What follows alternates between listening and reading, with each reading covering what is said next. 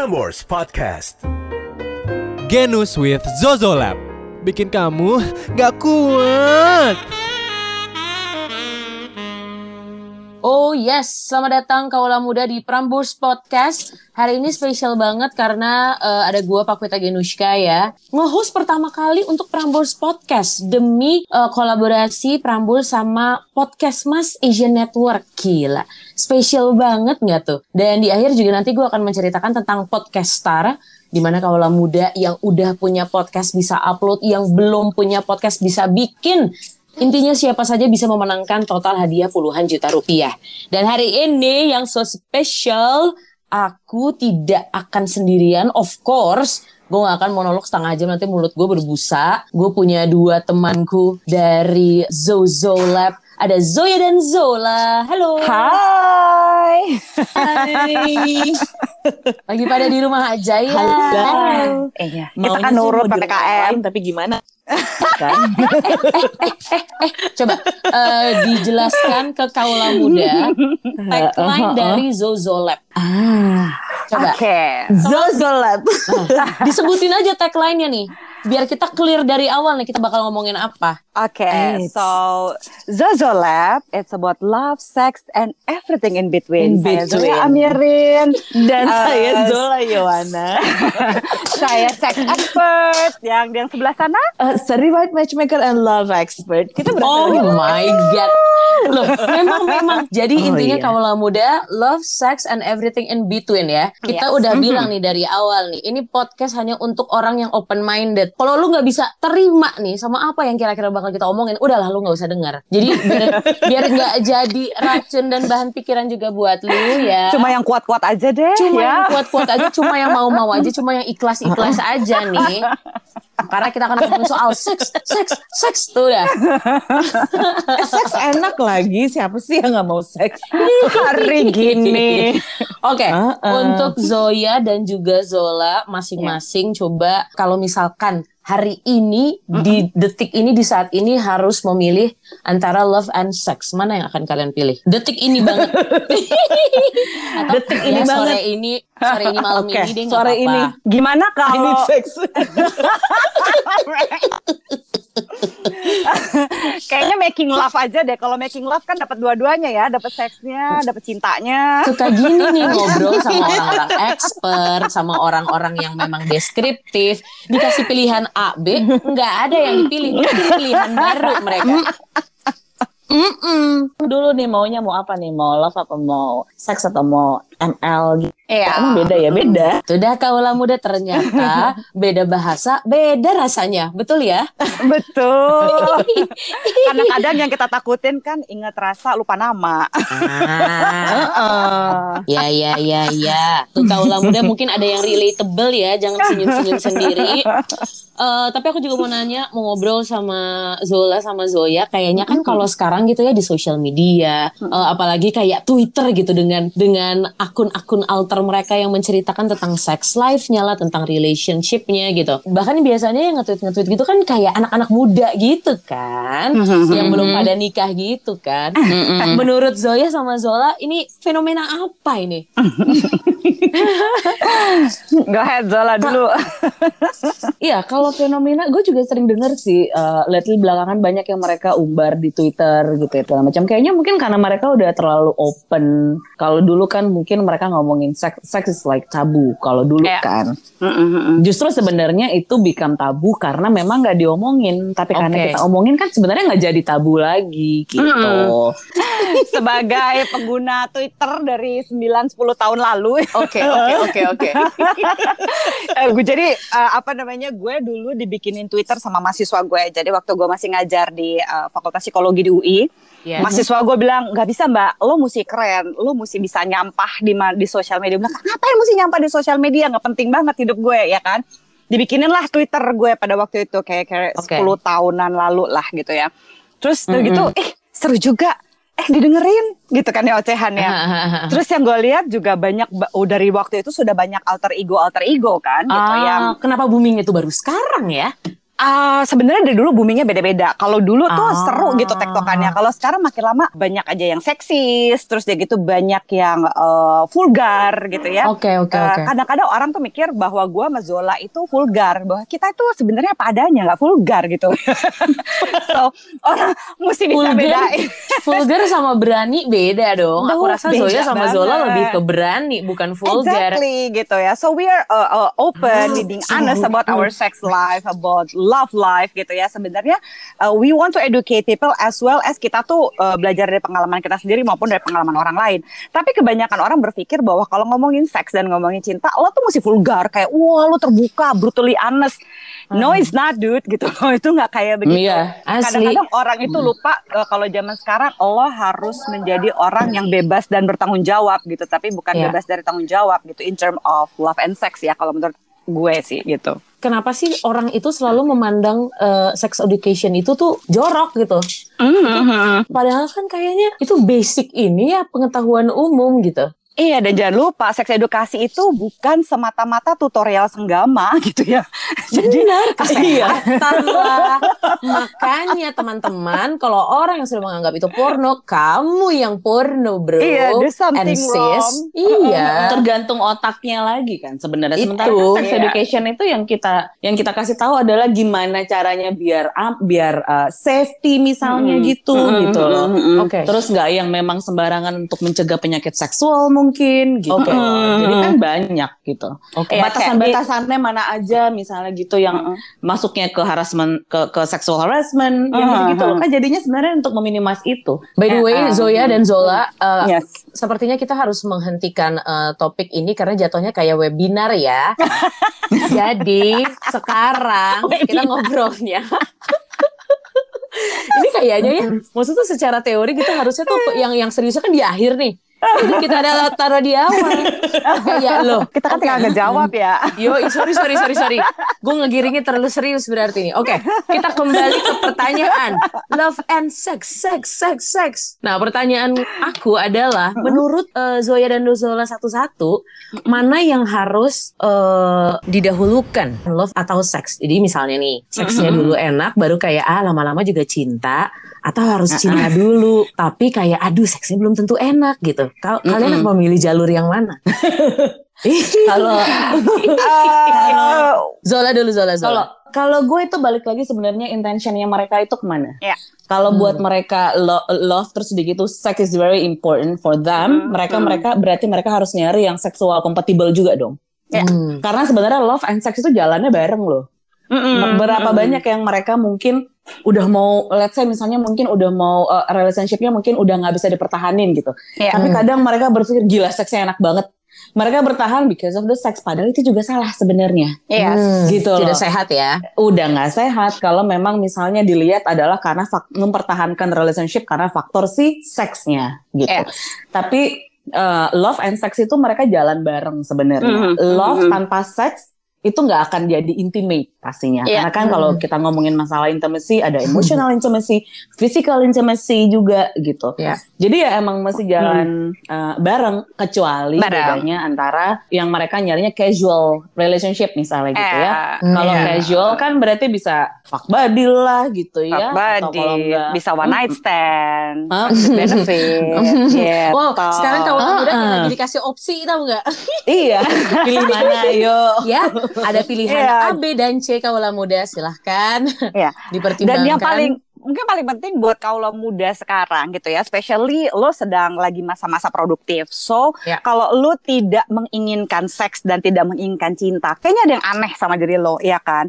Because it's, it's, it's part of who you are gitu as being human gitu. Jadi, kalau lo menjadi manusia yang normal, ya lo harus bukan cuma bisa ngerasain cinta, tapi lo juga bisa menikmati juga itu dan juga lo mesti embrace bagian bahwa diri lo tuh juga punya ekspresi seksual. Nah, Yes. sekarang Zozo Lab itu kan salah satunya ngebantu lo di antara semua banyak pilihan gitu. Lu punya pilihan lebih banyak dibandingkan uh, uh, generasi 20 30 tahun lalu gitu. Kita di Zozo Lab itu ngebantu lo bahwa cinta dan seks lu mesti tahu dulu lu lagi mau apa sekarang. Lu Oke. pengen seksnya doang gitu ya. Karena relationship itu komitmen itu ada berbagai macam. Ada komitmen yang casual, ada yang non casual gitu kan ya. Jadi jangan pikir oh komitmen itu berarti lo pacaran eksklusif gitu ya nikah. Eh gila dunia lo sempit banget men gitu.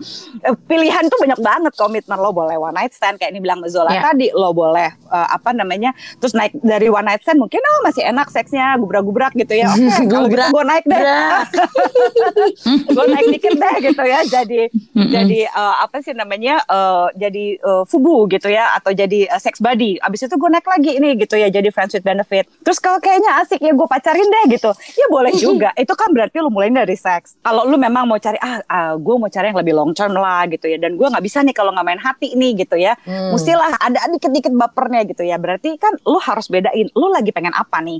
Lu pengen dapetin relationship atau lu lagi butuh seksnya. Jadi jangan lu kacauin dua-duanya. Kalau enggak, kalau lu cuma mikir pakai kelamin lu doang gitu ya, itu agak susah sih dapetin cinta. Tapi kalau lu juga stuck gitu ya sama cintanya, ntar lu meromantisasi sesuatu yang gak real kan gitu. Oh my so what God. do you want? meromantisasi hal yang gak real. Jadi itu emang- kayaknya perlu kaulah muda catet deh.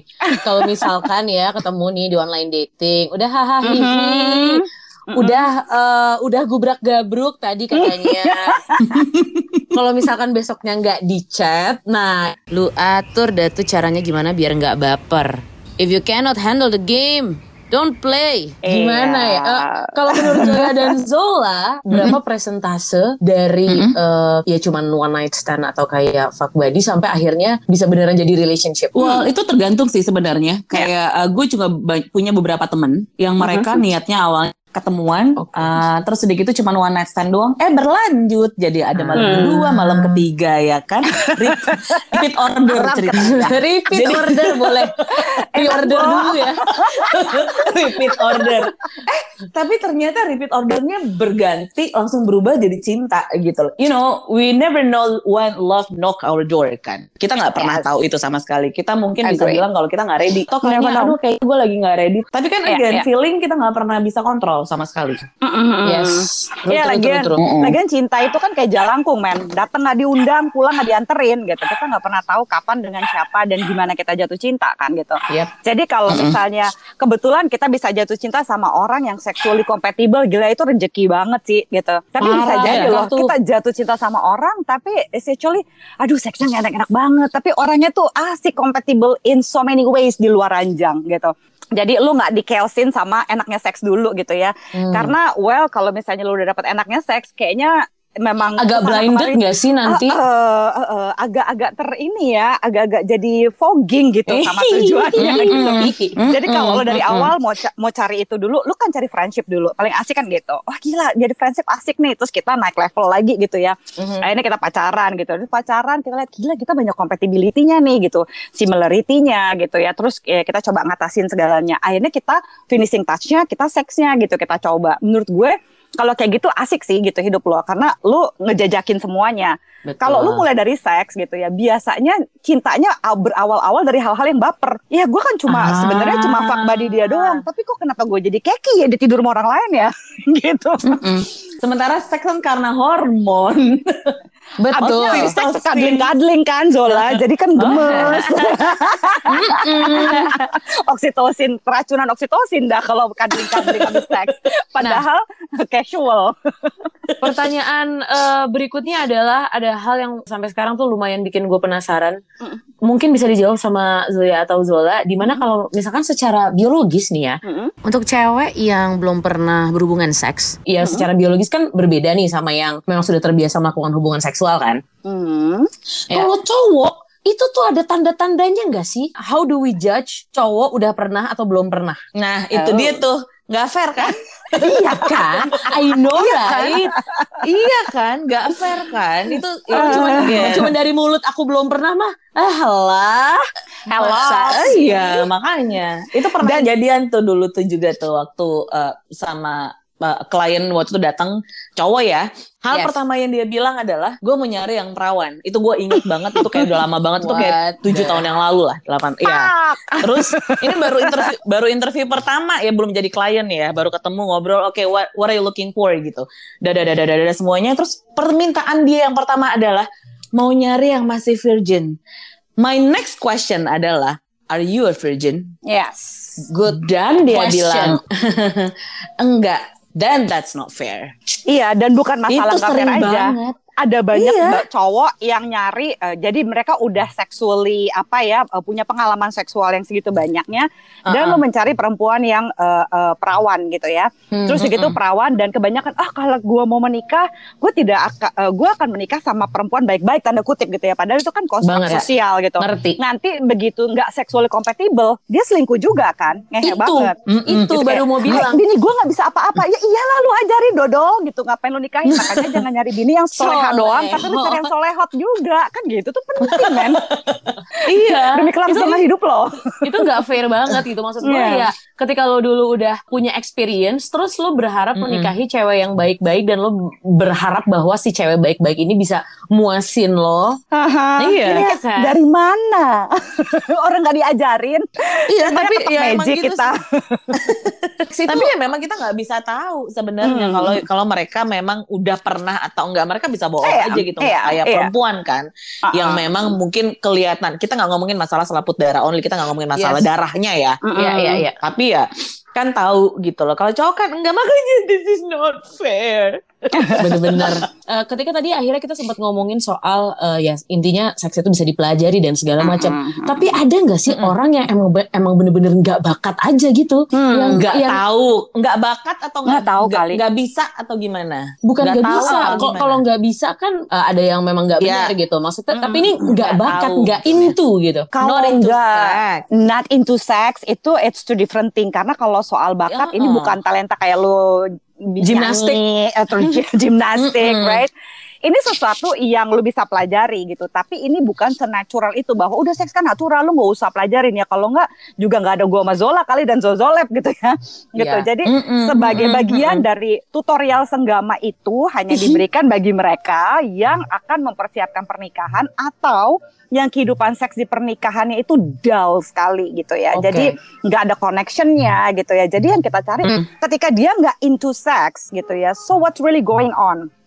Kan ketika ada orang datang gitu untuk berkonsultasi sama gue gitu, dia akan bilang aduh mbak hmm, pokoknya aku nanti kalau mau nikah gitu ya baik ini laki-laki ataupun perempuan kan ada aja yang aku pokoknya mau cari perempuan aku atau mau cari laki-laki yang aku akan bilang aku nggak terlalu sama seks ya jadi ini bukan penting bukan segalanya Oke. biasanya itu bukan karena they not into sex tapi karena mereka tuh penuh ketakutan aja nggak mau dibilang nakal nggak boleh dibilang apa sih namanya Dengan stigma-stigma dari orang lain iya ya. exactly Dan- most likely kayak dan- gitu Jadi Ah. faktor itu jadi perempuan yang tipikalnya yang nerima aja. Kalau jadi perempuan ya udah nerima aja, pasif aja biar Hmm, laki-laki hmm. yang mulai duluan gitu Iya. loh. Sementara kan banyak laki-laki yang memang suka perempuannya dulu yang mulai gitu loh. Jadi mereka Yes. punya stigma di mana bukannya nggak bisa tapi ya udahlah ya sex is just sex. Mereka berpikirnya adalah itu. Dan apalagi mereka mungkin kalau yang menikah mereka berpikir adalah udah Hmm. memang caranya mengabdi untuk si istri ke suami. Kan ini udah tanggung jawab ke suami. Sudah kewajiban. Itu gitu yang ya. paling sering. Mm. Yes, udah kewajiban. Kalau nggak dosa, kalau nggak melayani. Eh ya, itu yang kalau sering sampai banget. gue Padahal nolak sebenarnya suami you gue, can say no.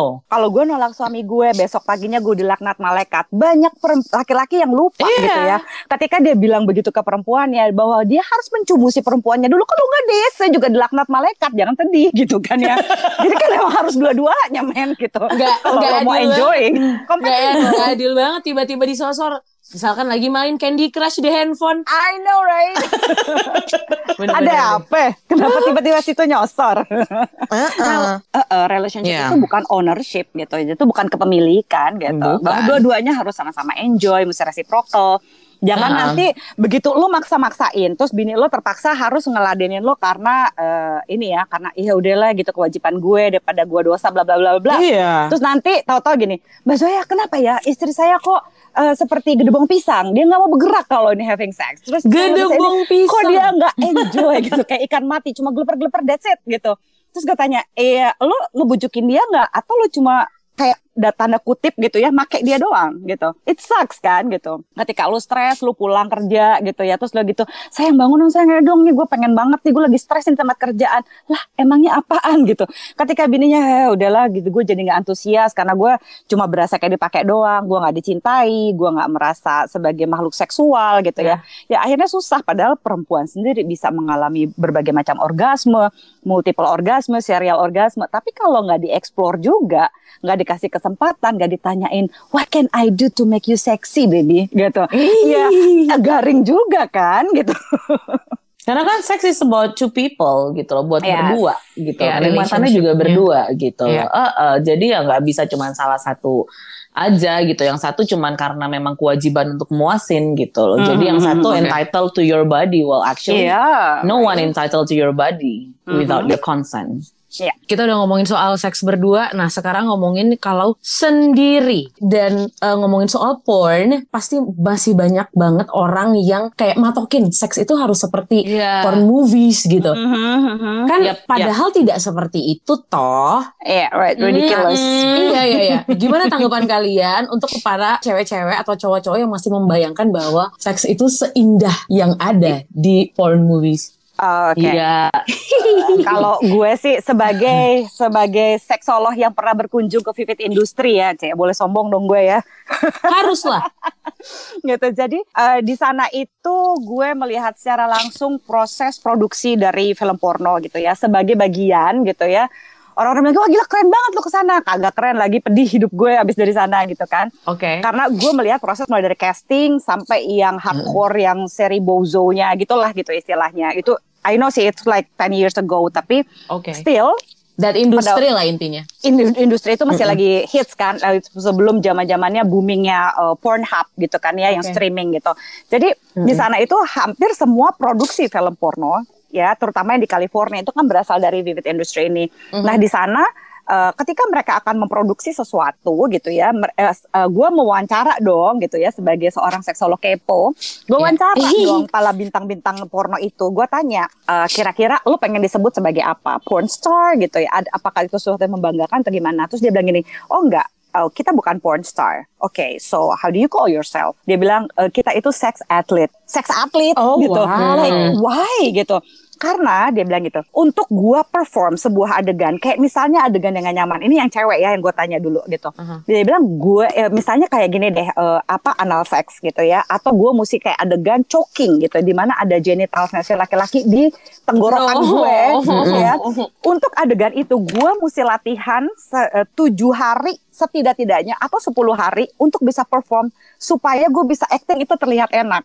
so I'm a sex athlete gitu to perform that kind of face that the producer want me to see gitu dan semua orang yang menonton itu melihat bahwa Percaya. itu ada sesuatu yang nikmat iya. dan enak gitu. Nah, yang lakinya juga gue tanya, terus bilang, wah banyak eh, banyak teman-teman gue nih pasti tahu kalau gue ke sini tuh kayak wah gila tuh bintang film porno cowok tuh pasti wah asik banget nih hidupnya. Lo dibayar untuk having sex man tiap hari gitu for heaven's sake gitu. Dia cuma bilang gini, oke so you wanna know the truth? Dia bilang gitu, if I have relationship, gue tetap akan milih sesuatu yang vanilla. Tetap gue craving for the connection, bukan yang kayak gini. Dan untuk bisa perform kayak begini, kadang-kadang gue mesti nyuntikin genitals gue gitu ya supaya itu bisa tetap erection for like that freaking long gitu. So Iya lah, karena kan ketika- mereka harus bertahan kan. Heeh. Nah, ketika itu dimasukkan di dalam film dibuat sedemikian Aku rupa, diromantisasi, exactly. Dan lo harus, lo mau menampilkan itu di dalam kehidupan lo yang real. Are you kidding me, man? Itu nggak akan pernah bisa, gitu. Mm-mm. Jadi jangan jadiin patokan untuk porn itu sebagai oh gue maunya seksnya based on Iya. porn gitu. Iya. Se- Dan satu lagi seks itu bukan about performance ya. Yes. It's about feelings. It's about Yes. connection. That's why kita ngomonginnya adalah make love. You don't Mm-hmm. need you don't need love to have sex, but you need love to make love. Yes. Makes sense. Yeah. Jadi, uh, uh, jadi Sebuah tagline kalau misalnya ya. buat, jadi kalau misalnya cuman buat having sex doang gitu kayak one night stand atau apa segala macam, ya udah bang bang selesai gitu. Tapi kan Yeah. if you're talking about make love, there is there is a foreplay di dalamnya, ada intimacy di dalamnya, ada afterplay. Dan lu Hmm. juga kan mungkin kadang nggak mau ngelihat pasangan lu disiksa misalnya gitu. If you're Iya. talking about uh, kinky Iya, atau iya, iya, BDSM iya. gitu ya, yang udah hardcore ya. Gitu. Iya iya iya. Walaupun buat beberapa orang yang memang mereka pecinta itu mereka get aroused-nya karena melihat pasangannya kesiksa gitu Yes. loh.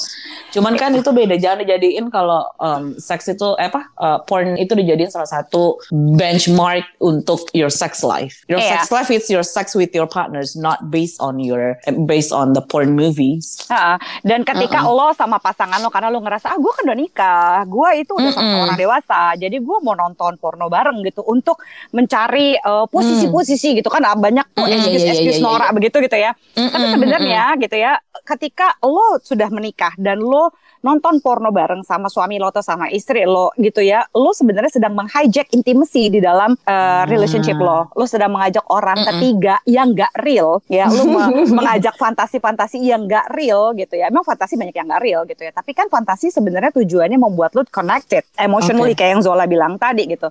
So it- it's not gonna happen gitu dan lu juga kalau yang lu sering menonton pornografi gitu ya. Jadi lu jadi mempertanyakan kenormalan seksualitas lu. Kok di situ warnanya pink? Kenapa kamu coklat sayang? Kok di situ lama? Kok lu sebentar sih? Gitu. Ayo dong say kayak gitu dong. Ya nggak bisa say, nggak realistis gitu. nggak bisa say tapi tadi ngedenger eh, cerita seks atlet atau aktris Seks actors itu bikin kayak jadi sedih jadi know, untuk right? teman-teman yang mengkonsumsi porno bayarlah tolong apresiasi mereka. Jangan tonton yang gratis-gratis doang. Dari telegram dari grup WhatsApp lah apalah. Udahlah tolong apresiasi. Apa yang sudah mereka lakukan? Mereka capek loh, pegel loh mereka actingnya begitu loh. Latihannya lama loh say. Itulah. Ya sudah, terima kasih banyak Zoya dan Zola udah ngobrol sama aku.